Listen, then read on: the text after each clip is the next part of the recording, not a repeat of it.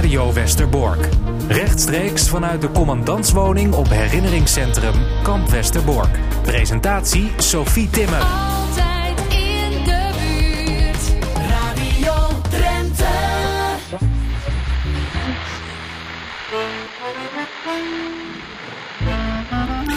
Je luistert naar de podcast van Radio Westerbork. Van onder de overkapping van de commandantswoning.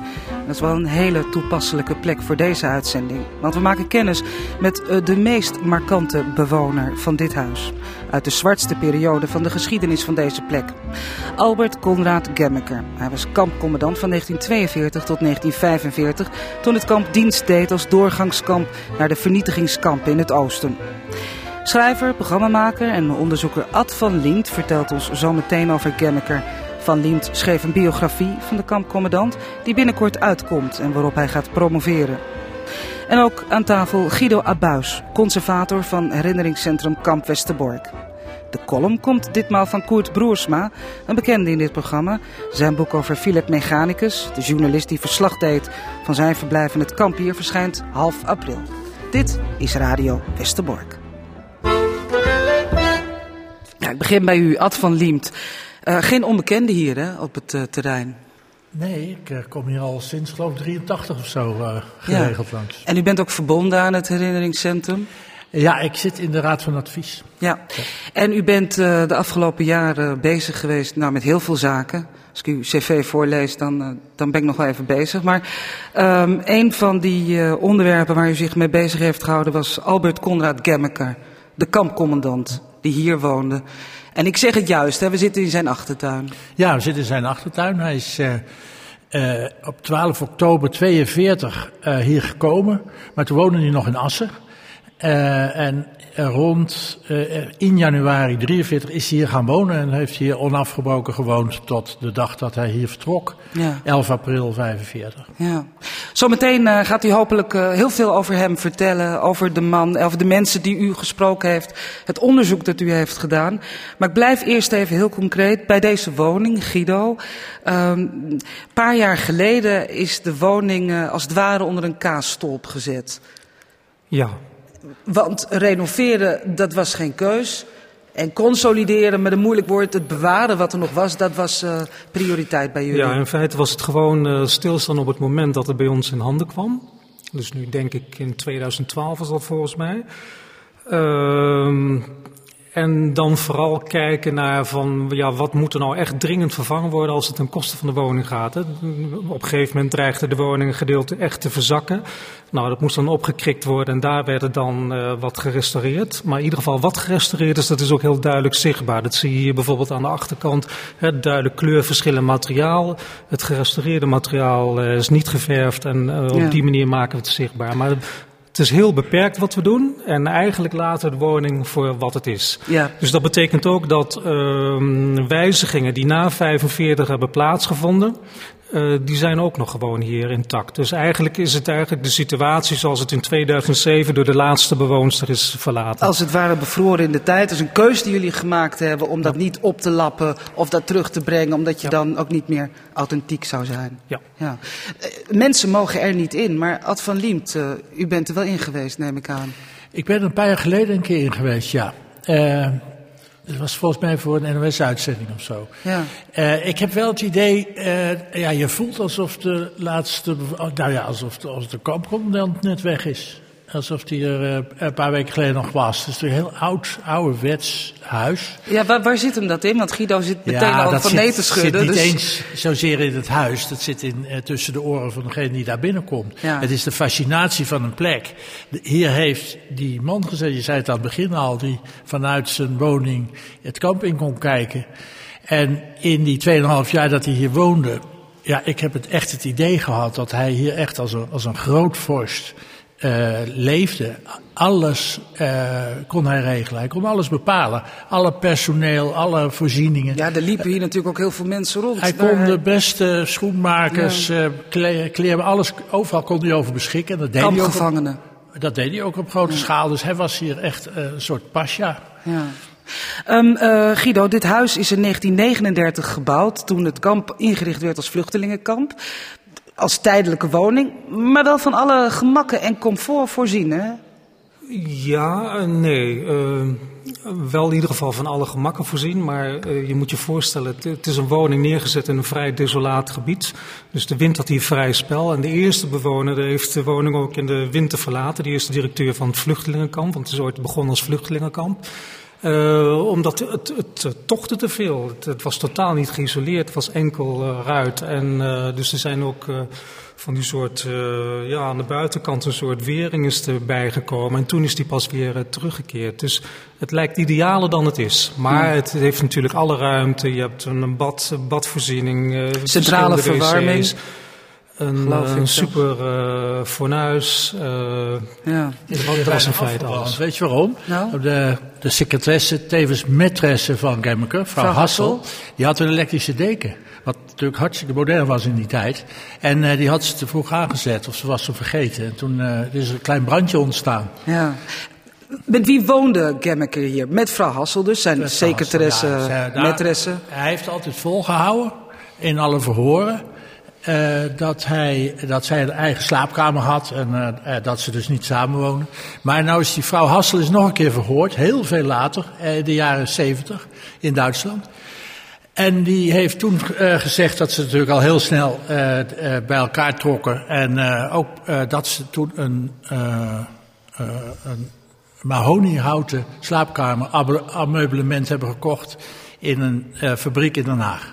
Ja. Dus het, is, het is echt een setje geworden. En voor de rest was het roofgoed hier wat er stond in de, de woning, hè? heb ik begrepen van jullie. Een deel eh, heeft hij zelfs laten komen uit het huis van de familie Wolf in Assen, waar die, eh, dat was ontruimd en waar hij dus de eerste maanden heeft gezeten. En toen hij hierover ging, toen heeft hij een deel van, eh, van de meubels meegenomen. Ja. Ja.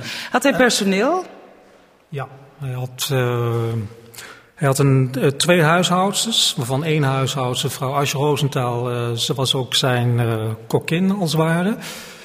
Er was nog een, een soort mannelijke oppas. Um, en je had vooral het tuinpersoneel. Je had man of vijf, zes gemiddeld aan tuinpersoneel. Dus zeg maar, we zitten nu op het taluut. En dat was toen ook een, een soort bloemenperk. eh, Dat werd onderhouden. En je ziet ook in het schuurtje zie je ook nog sporen van allemaal tuingereedschap. Wat ooit door Joods tuinpersoneel is gebruikt.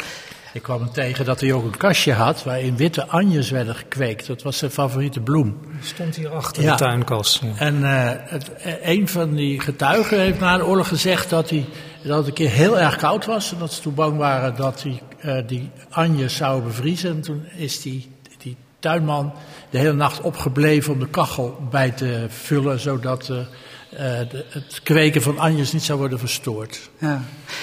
Had hij een, uh, ja, ja, had hij een, leefde hij er goed van hier? Uh, hij had natuurlijk wel alle ruimte en alle vrijheid om er wat van te maken naar eigen inzicht. Al denk ik dat hij hè, wel vrij zich eenzaam voelde.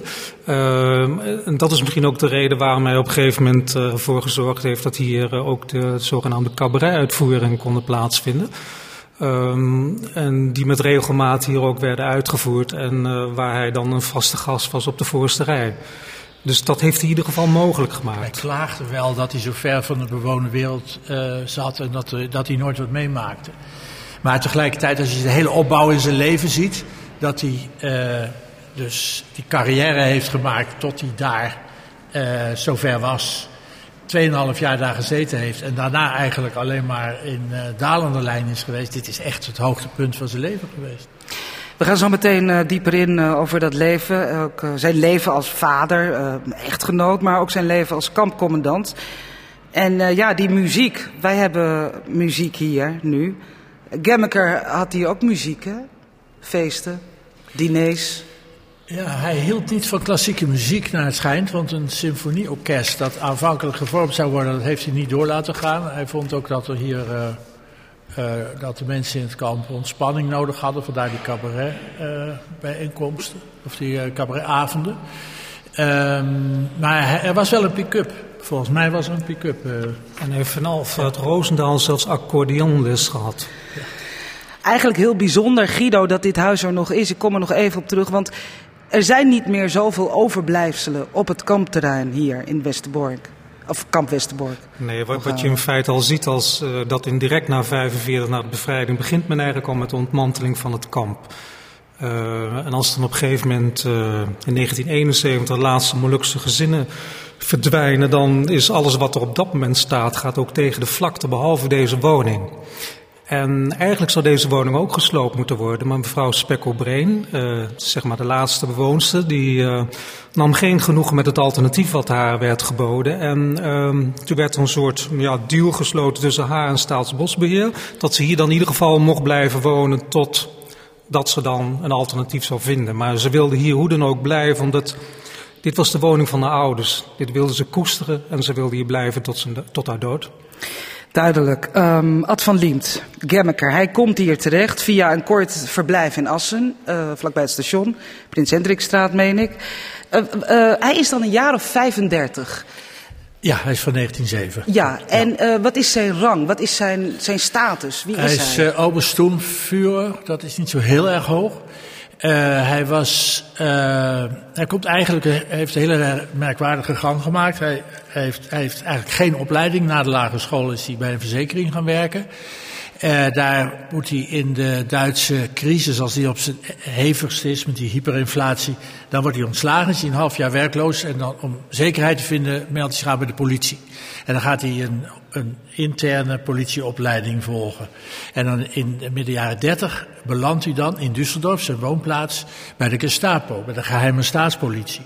En dan komt hij eigenlijk in dat uh, circuit terecht waar ook uh, na de bezetting van landen in West-Europa de, de, banen vrijkomen om in die landen te vervullen. En dat is, worden ze eigenlijk al voorbereid dat al die mensen die in West-Duitsland een functie hebben, die worden dan ergens in, de, in Frankrijk, België of Nederland geplaatst en hij komt dan in Den Haag. Komt hij eerst op de personeelsafdeling van de ziekenhuisdienst een poosje. Dan wordt hij tot zijn eigen stomme verbazing commandant van Sint-Michels-Gestel. Dat is een uh, gijzelaarskamp. Uh, maar dan zit hij maar een paar maanden. Op dat moment zit er hier een, uh, ja, eigenlijk een tamelijk idiote drankorgel als commandant totaal mislukt. Dan gaat het hier helemaal mis en dan zetten ze hem hier neer om ervoor te zorgen dat het hier allemaal rustig verloopt. En hoewel hij daar eigenlijk helemaal geen vooropleiding voor heeft, hij heeft wel veel interne politieopleidingen gedaan, ja, vinden ze hem daar geschikt voor. Hij is totaal gefocust op uh, discipline en op tucht en op orde. Hij kan ook totaal niet tegen welke afwijking van die tucht ook. Zo gauw er ook maar iets gebeurt wat buiten de regels is, dan kan hij enorm ontploffen en, en uh, driftig worden en woedend worden en hele rare maatregelen nemen. Uh, maar op de een of andere manier heeft hij daarmee uh, ja, dat kamp hier kunnen runnen. zodanig dat zijn superieuren daar altijd tevreden over zijn geweest. Maar hij was dus, hij, was, hij kon dat, als een soort burgemeester. Tegelijkertijd uh, was hij baas over leven en dood, als je het zo bekijkt.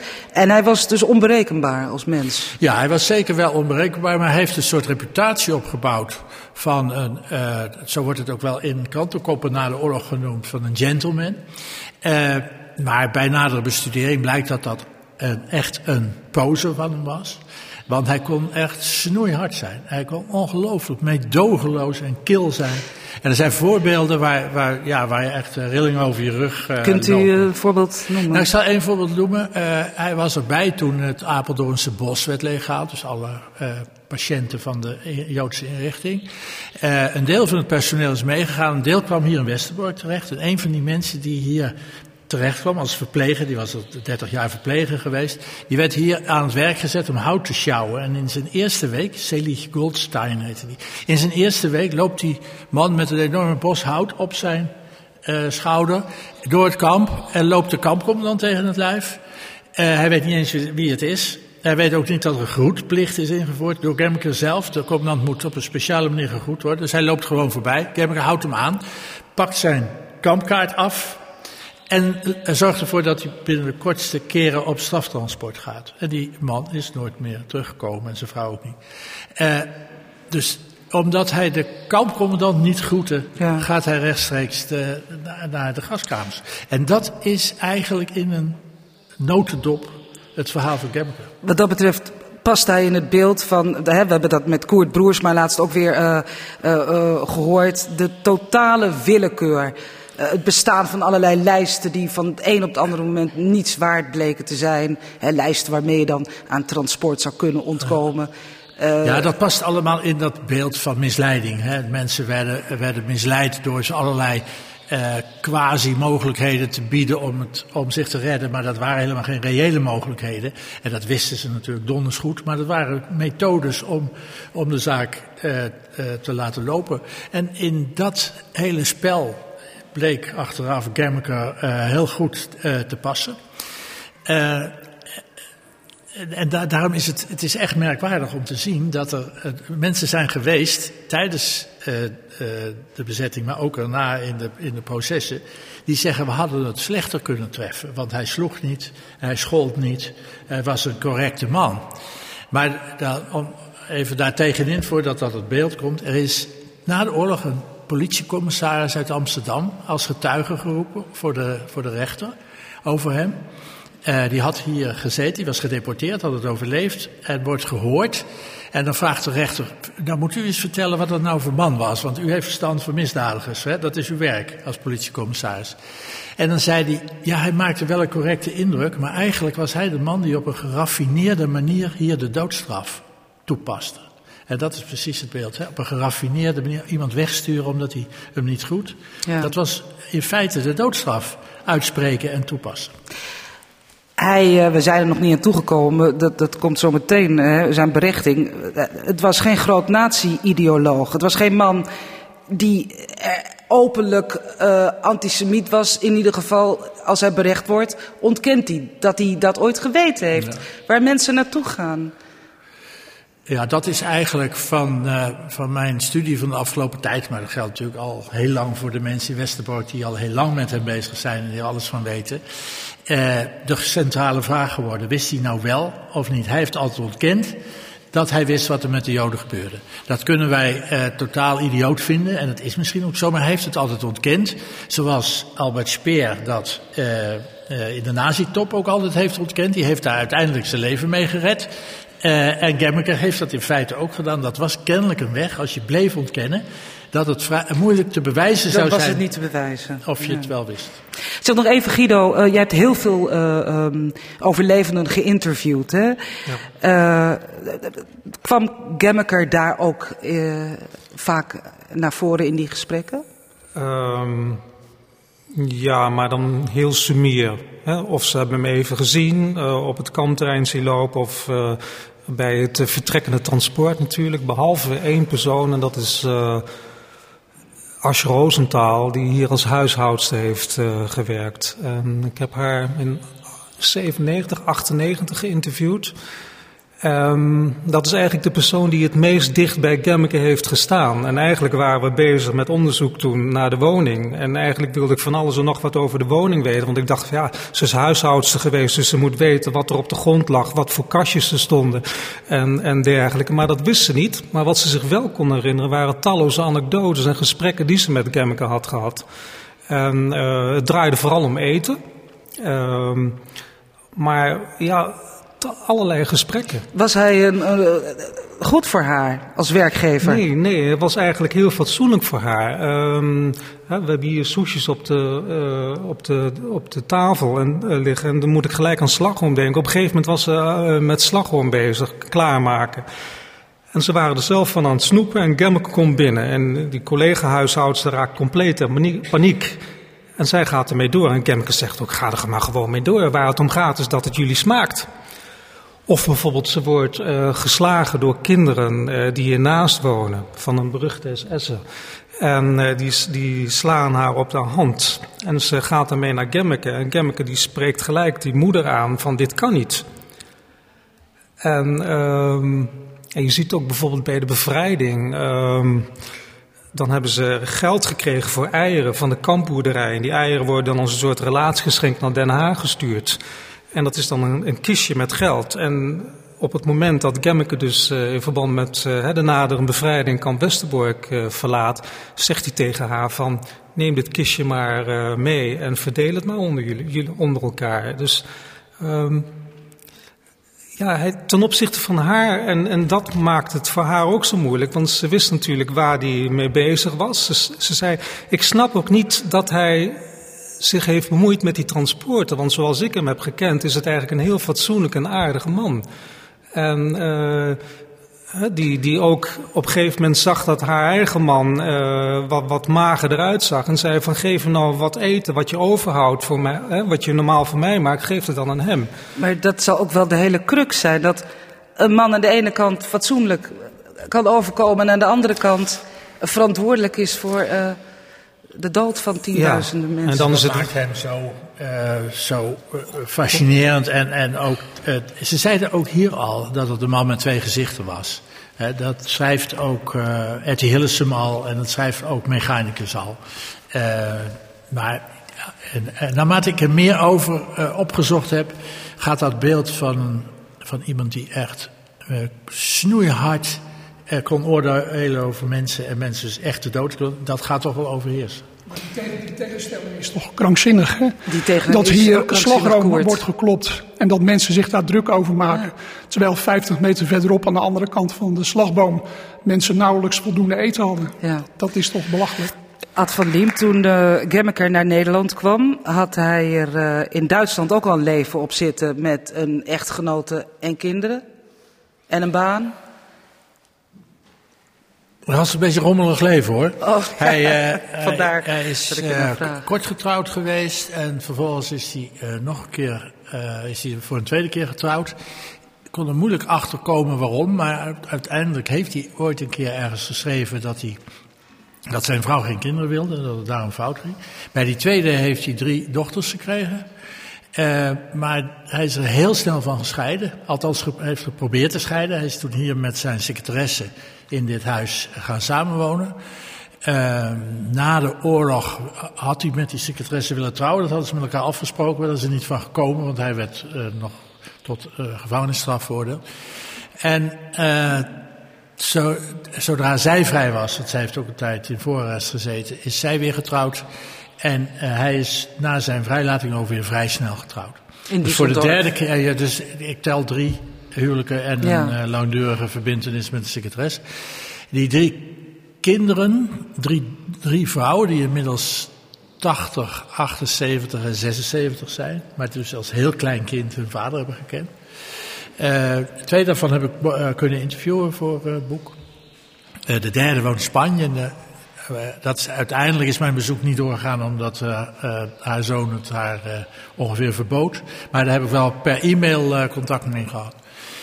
Uh, meestal hoor je als je kinderen uh, spreekt van uh, oorlogsmisdadigers of van eigenlijk sowieso, hoor je altijd de positieve kant van. als kinderen die praten we eigenlijk altijd met begrip over hun ouders. van het is toch mijn vader, het is toch mijn moeder. En dat was bij deze dochters eigenlijk helemaal afwezig. Die zijn heel erg geschokt over het feit wat hun biologische vader allemaal heeft uitgevreten. Ja, ja. En die, uh, die, daar komt eigenlijk geen waarderend of verklarend woord over hun lippen. Nee, want zij hebben dat natuurlijk later in hun volwassen leven ook allemaal moeten ontdekken. Ja, ze weten er betrekkelijk weinig van. Uh, de jongste is zich er wel heel erg in gaan verdiepen. Die, uh, die weet inmiddels wel alles. maar zij, ja, zij moeten leven met een schuldgevoel. en natuurlijk vooral met het besef dat hun vader een een belangrijke rol heeft gespeeld in de dood van 80.000 uh, onschuldige mensen. Ja, dat is een schuld waar niet mee te leven valt. En zelfs als je er zelf helemaal niks mee te maken hebt, omdat je een, uh, een kleuter was toen het zich voordeed, dan is die, dat schuldgevoel dat dreunt door. Maar bij, bij twee van die dochters was u dus welkom? Ja. Ze hadden nog nooit over hun vader gesproken, met wie dan ook.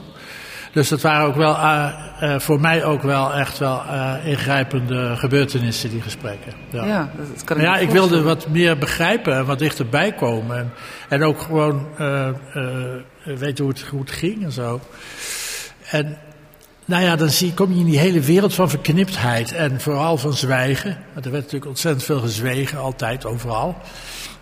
Om één voorbeeld te, te geven, verder moet je het allemaal lezen hoe het precies zit als hij terugkomt uit, gevangenis, uit gevangenschap, uit Nederland, dan gaat hij terug uh, naar zijn vrouw van wie de scheiding net rond is. Dan gedraagt hij zich daar, daar moet schandalen, gaat hij tekeer tweede kinderen en zo. Dus er is geen enkele kans op, op verzoening. En dan trekt hij zich even terug in de kamer waar het bureau staat. En dan haalt hij de fotoalbums leeg. En dan scheurt hij de foto's uit uh, waar hij op staat in uniform. En of op, op de een of andere manier dingen die, die op zijn carrière zouden kunnen wijzen. Die haalt hij daar uit dat fotoalbum. zijn dochter laat mij het fotoalbum zien. Er zitten gewoon de lege plekken nog in. Waar de foto's uitgescheurd zijn. Alles maar om, ja, om zijn verleden. Ja, terwijl me opvalt dat hij tijdens zijn verblijf uh, in kamp Westerbork niet, niet camera-schuw uh, te noemen is omdat hij die film heeft laten maken. Die film, er zijn foto's dat hij aanwezig is op ja, feesten. Was, uh, maar ja, toen ging het allemaal nog uh, goed. Hè? En toen werkte hij aan zijn carrière, dan de voortgang daarvan. En uh, ja, dat was een, een aanzienlijke ijdelheid, was hem niet vreemd. Nee. En geloof is misschien nog in de overwinning. Ja, ja dat hadden ze ook niet was alles nog, nog positief. Maar uh, het is wel een patroon. Hij heeft in uh, september 44, als de, zeg maar rond Dolle Dinsdag, als de geallieerden uh, Nederland dreigen binnen te komen, heeft hij de hele administratie laten vernietigen van het kamp. En toen in april de geallieerden recht aankwamen, heeft hij wat er nadien als administratie is gevormd opnieuw laten vernietigen. En zo heeft hij dat ook met zijn hele persoonlijke leven gedaan. Hij heeft alle sporen uitgewist. Ja. U heeft gesproken met de dochters, met twee ervan. Heeft u andere mensen uit zijn omgeving, of misschien van uh, zijn maîtresse, uh, uh, ontmoet? Er zijn er heel veel dood. ik heb nog een, een kleindochter gesproken. Uh, wat ook een fascinerend uh, gesprek is. Want daar is die afstand nog veel groter. En het schuldgevoel blijft maar komen. Die, die kleindochter heeft sindsdien trouwens besloten om op scholen in Duitsland te gaan vertellen over haar. Uh, uh, haar achtergrond, haar familie. Ja. En, en, en, ja, hoe, hoe, hoe, hoe, dat is om zo, zoiets ontastbaars. Is bijna niet te uh, bevatten ook? Nee, het is niet te bevatten. Daar, daar, worstelt ze heel erg mee. Aan de andere kant moet ook niet het accent te veel op, die, op, het, op het Duitse leed leggen. Het grote leed is natuurlijk, en dat komt eigenlijk in, in voortdurend terug die willekeur waarmee onschuldige mensen uh, uh, de trein ingestuurd werden. En de botheid waarmee hij op het perron uh, mensen die smeekten om nog een kans te krijgen van zich af trapte soms ook, heeft ze echt een paar in de, de trein ingetrapt. Hè? Dus hij, hij verloor dan alle, alle egaars alle en, en alle beschaving verloor hij dan. Dus het, daar ben ik echt van overtuigd dat dat correcte een pose van hem was. Want dat was mijn laatste korte vraag aan jullie nu. Uh, voordat we naar de column van, van Koert Broersma gaan. Zometeen hebben we het nog over zijn berechting. Hij heeft altijd gezegd dat hij het niet wist. Daarom is hij er uiteindelijk ook met zes jaar van afgekomen. Maar hij wist het wel, Guido? Ik denk het wel. Nou, Ad van Liemt? Nou, daar gaat het boek over. Dus dat, uh, de uiteindelijke conclusie, uh, die laat ik voor deel aan de lezer over. Maar er, zijn, er is een overstelpende hoeveelheid aanwijzingen dat hij het wel geweten moet hebben. Zometeen meer over uh, de jaren na de oorlog. Nu eerst de column. En die wordt deze keer verzorgd door Koert Broersma. 75 jaar. Volgend jaar vieren we 75 jaar bevrijding. De wereld is in de jaren enorm veranderd, maar ook verbeterd. Wat de kennis over de Tweede Wereldoorlog betreft, heb ik daar mijn twijfels over. Het lijkt wel alsof naarmate de tijd verstrijkt er langzaam een deken van onwetendheid over de Jodenvervolging heen trekt. De vorig jaar overleden onderzoekster Evelien Gans kwam met de term nivellering. Zij doelt ermee op het vervagen van de grenzen tussen daders en slachtoffers. De verschillen tussen deze groepen worden kleiner gemaakt dan dat ze in werkelijkheid waren. Ik ben van mening dat deze algemene tendens tot relativering al vrij snel na de Tweede Wereldoorlog begon. Met de betrekkelijk lage straffen bijvoorbeeld, die tegen daders en medeplichtigen werden uitgesproken. Of de wijze waarop de groep overlevenden van de vernietigingskampen na hun terugkeer in Nederland werd bejegend. Deze mensen kwamen terug in een land dat voor een deel redelijk koel en afstandelijk reageerde. Want er diende vooruitgekeken te worden en niet terug. Tijd of aandacht om emoties en trauma's te verwerken was er veelal niet. Dat kwam pas later. Op 17 april verschijnt een nieuwe editie van mijn boek Buigen onder de storm over de journalist Philip Mechanicus, bekend van zijn dagboek In Depot, dat hij hier in Westerbork schreef. Mechanicus werd in oktober 1944 in Auschwitz-Birkenau geëxecuteerd en naar zijn leven en werk heb ik jaren onderzoek verricht. Wat mij daarbij onder meer opviel, is hoeveel moeite nabestaanden na de oorlog moesten doen om a. de dood van hun dierbaren juridisch te bewijzen en b. alle vereiste documenten te bemachtigen alvorens de noodzakelijke afwikkelingen konden plaatsvinden. Dat er na de oorlog nauwkeurigheid moest worden betracht, snap ik. Maar het werd die nabestaanden wel bijzonder lastig gemaakt. En zij kwamen vaak, los van alle verdriet, in een maalstroom van bureaucratie en, en ambtenarij terecht die jaren kon duren. Daarbij hanteerde de overheid overigens niet altijd de nodige tact. Zo ontving een van de dochters van Philip Mechanicus in 1947 van de Belastingdienst een aanmaning met dreiging van boete omdat zij verzuimd had tijdig een of andere formulier voor haar overleden vader in te dienen. Aangifte, tijdig, overleden, over iemand die 2,5 jaar eerder in Polen was doodgeschoten. Opvallend is dat de overheid omtrent de massamoord vaak vermeed om man en paard te noemen. Men meldde dan dat personen zoals mechanicus in Auschwitz waren omgekomen, overleden of niet meer waren teruggekeerd. En daar begint voor mij die nivellering dus al. Met dat terugschakelen naar verhullend taalgebruik. Want omgekomen of gestorven klinkt natuurlijk veel minder confronterend dan vermoord of vergast. Het idee dat 75 jaar al zo lang geleden is, snijdt naar mijn gevoel geen enkel hout. Integendeel, want voor veel mensen is het verleden nog altijd een wezenlijk onderdeel van het heden. Vorige maand gaf ik met een collega van het NIOT in Amsterdam een lezing over de Westerbork-film, die in het voorjaar van 1944 door kampgevangene Rudolf Breslauer is gemaakt. Uit het publiek kwamen talrijke, vaak emotionele reacties. Hieruit bleek hoeveel nog altijd worstelen met de genocide. Ook kwam de vraag aan bod hoe het mogelijk is dat uit Westerbork alle transporten ongehinderd naar de vernietigingskampen vertrokken, zonder verzet zonder sabotage. Of zoals Philip Mechanicus het in zijn dagboek verwoordde, de trein gaat martelend en folterend geregeld. Nooit is hij te laat. Nooit wordt hij door een bom getroffen. Waarom laat de voorzienigheid ons in de steek? Hier raakt hij de kern van de zaak.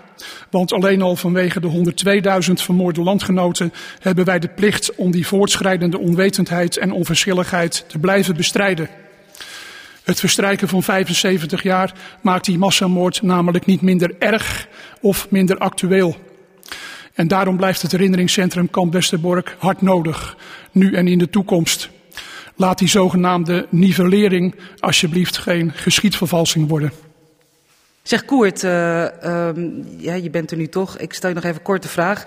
Je hebt je al tientallen jaren bezig gehouden met Philip Mechanicus, die alles opschreef als een journalist hier uh, in het kamp. wat schreef hij over Gemmeker?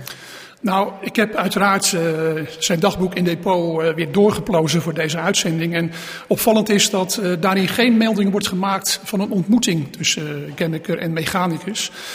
Um, mechanicus zag hem wel uh, bij de transporten en bij de cabaretavonden. Um, maar tot een ontmoeting is het uh, nooit gekomen. En het, het, het dichtstbijzijnde komt eigenlijk een, een citaat uit in depot. Uh, een gesprekje tussen Philip Mechanicus en Koert Slezinger. Dat was de, de oberdienstleider die eigenlijk verantwoordelijk was voor het samenstellen van de transportlijsten. En daardoor gaan, had Mechanicus dus wel veel, heel veel contact. En over hem had hij ook een vernietigend oordeel. Dus indirect uiteraard ook over Gemmeker. En dat gesprekje, dat was in augustus 1944. Um, dan zegt mechanicus tegen uh, Slezinger, u kent uh, Gemmeker goed, is het een redelijk mens? En dan antwoordt Slezinger, ja, in zijn soort zeker, ik kan goed met hem opschieten. En dan vraagt mechanicus, maar u is toch zeker veel gecompliceerder dan hij?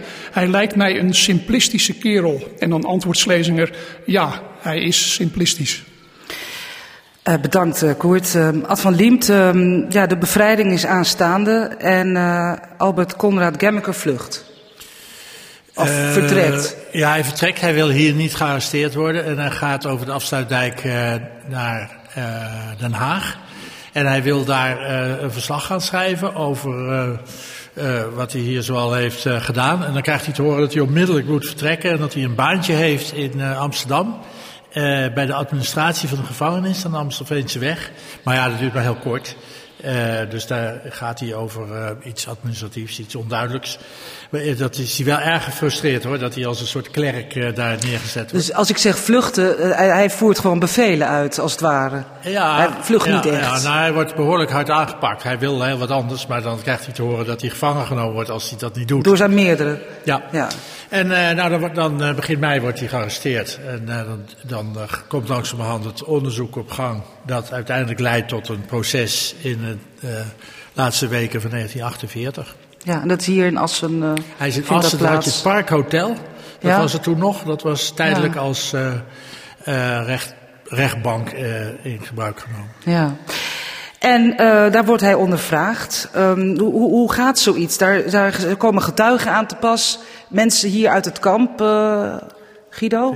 Ja, nou, er is in ieder geval een uh, proces verbaal opgemaakt door een rechercheur. Jan Schoenmaker. We hebben hem ook in de collectie hebben het liggen, het, uh, het, het, hele verslag. Uh, waarschijnlijk is het, in, in het is door Van Gorkum destijds gedrukt, nog op heel eenvoudig papier, maar waarschijnlijk meerdere exemplaren. Um, en ja, dan blijkt inderdaad dat hij, hij wordt dan aangeklacht op een aantal onderdelen. Daar kan altijd zo meteen wel iets meer over vertellen. Maar dan op basis van die onderdelen worden dus talloze getuigen, in dit geval dus uh, overlevenden, uh, gevraagd naar hun bevindingen. En je ziet dat het vaak draait om toch mensen die vanwege een strafmaatregel of wat dan ook, of misschien uh, lopen geruchten, dan op het transport worden gezet. Uh, en dan is iedere keer ook de gedachte van ja, doordat hij ze op transport naar Auschwitz zette, uh, heeft hij ze dus uiteindelijk vermoord. En daar draait het dan vaak om. Hè? Ja. Dus op zoek naar, naar redenen om hem op een of andere manier uh, dus ergens van te kunnen beschuldigen. Ja, en met de kennis van nu, om die zin ook maar eens een keer te gebruiken, eh, komt het ons onvoorstelbaar voor dat zo'n man niet voor de rest van zijn leven uh, wordt opgesloten. Dat gebeurt dus niet. Nee, ze eisen 12 jaar en de uitspraak 10 jaar. En daar, is, iets heel raars mee aan de hand. Ik, kan er niet te, diep op ingaan nu, maar in feite krijgt hij, is het de, officier van justitie, zoals die, heeft, die heet dan procureur-fiscaal. die zegt: Dit is allemaal heel ernstig. En ik zou hier normaal gesproken de doodstraf voor eisen als het een Nederlander zou zijn geweest. Maar omdat het een Duitser is die jarenlang in die indoctrinatie eh, van het nazisme heeft gezeten, uh, uh, kan ik hem niet alle schuld van Duitsland aanrekenen. Het totaal krankzinnig standpunt, dat overigens nog een keer voorkomt in de Nederlandse rechtspraak, ook bij zijn superieur Harster is dat toegepast, maar bij allerlei andere Duitsers is dat niet toegepast. Dus het is het bewijs dat de vervolging uh, van de zware gevallen, en vooral de zware Duitse gevallen, totaal ongecoördineerd tot stand kwam en dat daar heel veel is fout Ging het ze boven de pet, juridisch gezien? Nee, de, de, ja, het wisselde gewoon. Het maakte heel veel uit als hij in Amsterdam uh, zou zijn uh, berecht, denk ik dat hij er veel minder makkelijk van afgekomen was. Daar ben ik van overtuigd. Je moet nog één ding, het is een beetje ingewikkeld, maar je moet één ding in het oog houden. Wij weten precies hoe die nazi-organisatie in elkaar zat, de jodenvervolging in elkaar zat. En dat weten we eigenlijk vooral sinds het proces Eichmann. En bij Eichmann heeft de hele wereld meegekeken naar dat hele systeem. En toen hoorden we ook voor het eerst van schrijftischmurder, schrijftafelmoordenaars. Mensen die met een, door een paraaf te zetten of een vinkje uh, uh, mensen ter dood konden veroordelen. Dat was Germeker in feite ook, alleen dat bestond in die tijd nog niet. En dat hele beeld van hoe dat in elkaar zat, was nog heel laag ontwikkeld, ook in Duitsland, ook in Nederland, ook in Frankrijk en België. De mensen die ter dood werden gebracht, dat waren mensen met bloed aan hun handen. Dus mensen die zelf vreedheden hadden, hadden betracht, executies ja. hadden gedaan. Maar zo'n keurige meneer in uniform die, uh, die de treinen wegstuurde, zoals mechanicus schitterend schrijft, met de wenk van zijn hand. Dat, dat was wat hij deed. Hij wenkte de trein dat hij kon vertrekken. Die mensen werden eigenlijk uh, nog niet op, uh, op de schuld geschat waar we ze nu op schatten. Nee, dat nee. heeft eigenlijk iets heel tragisch. En dat hij alles ontkende, dat zal ongetwijfeld meegeholpen hebben aan ja, die tien jaar. Ja, dat, dat wordt ook onmiddellijk uh, geloofd. Nou ja, wat, ik heb dus ontdekt, maar de, dat moet je allemaal maar lezen. Dat ze daar in Duitsland uiteindelijk geen genoegen mee wilden nemen. En na de oorlog is er nog een heel lang onderzoek gedaan naar hem. Om te kijken of zijn proces niet opnieuw overgedaan moest worden. Maar ja, die dreiging voor nieuwe processen heeft natuurlijk ook geleid dat hij bleef zwijgen. Ja. Als, als die, die, druk nooit had gehad, had hij het misschien nooit verteld. Hij is blijven volharden in dat zwijgen om maar... Uh, ja, ja, zwijgen ontkennen zelfs, toch? Ja, hij wist het niet. Hij wist niet, hij heeft zelfs op een gegeven moment Later iemand... is bekend uh, geworden dat zijn, het is in 66, 67, dat zijn superieuren van destijds als enige wel hebben toegegeven dat zij het wisten. Die hebben dat in een proces in München toegegeven. En toen heeft de Duitse justitie geprobeerd hem alsnog in datzelfde groepje te krijgen. Maar hij bleef ontkennen. Hij is in 1983 uh, overleden. Ja. Hoe, hoe, hoe zijn die laatste jaren van zijn leven verlopen? Uh, er ging altijd gerucht dat hij heel rijk was, dat hij zijn zakken had gevuld hier. Daar is niks van gebleken. Hij had een baantje in de sigarenwinkel.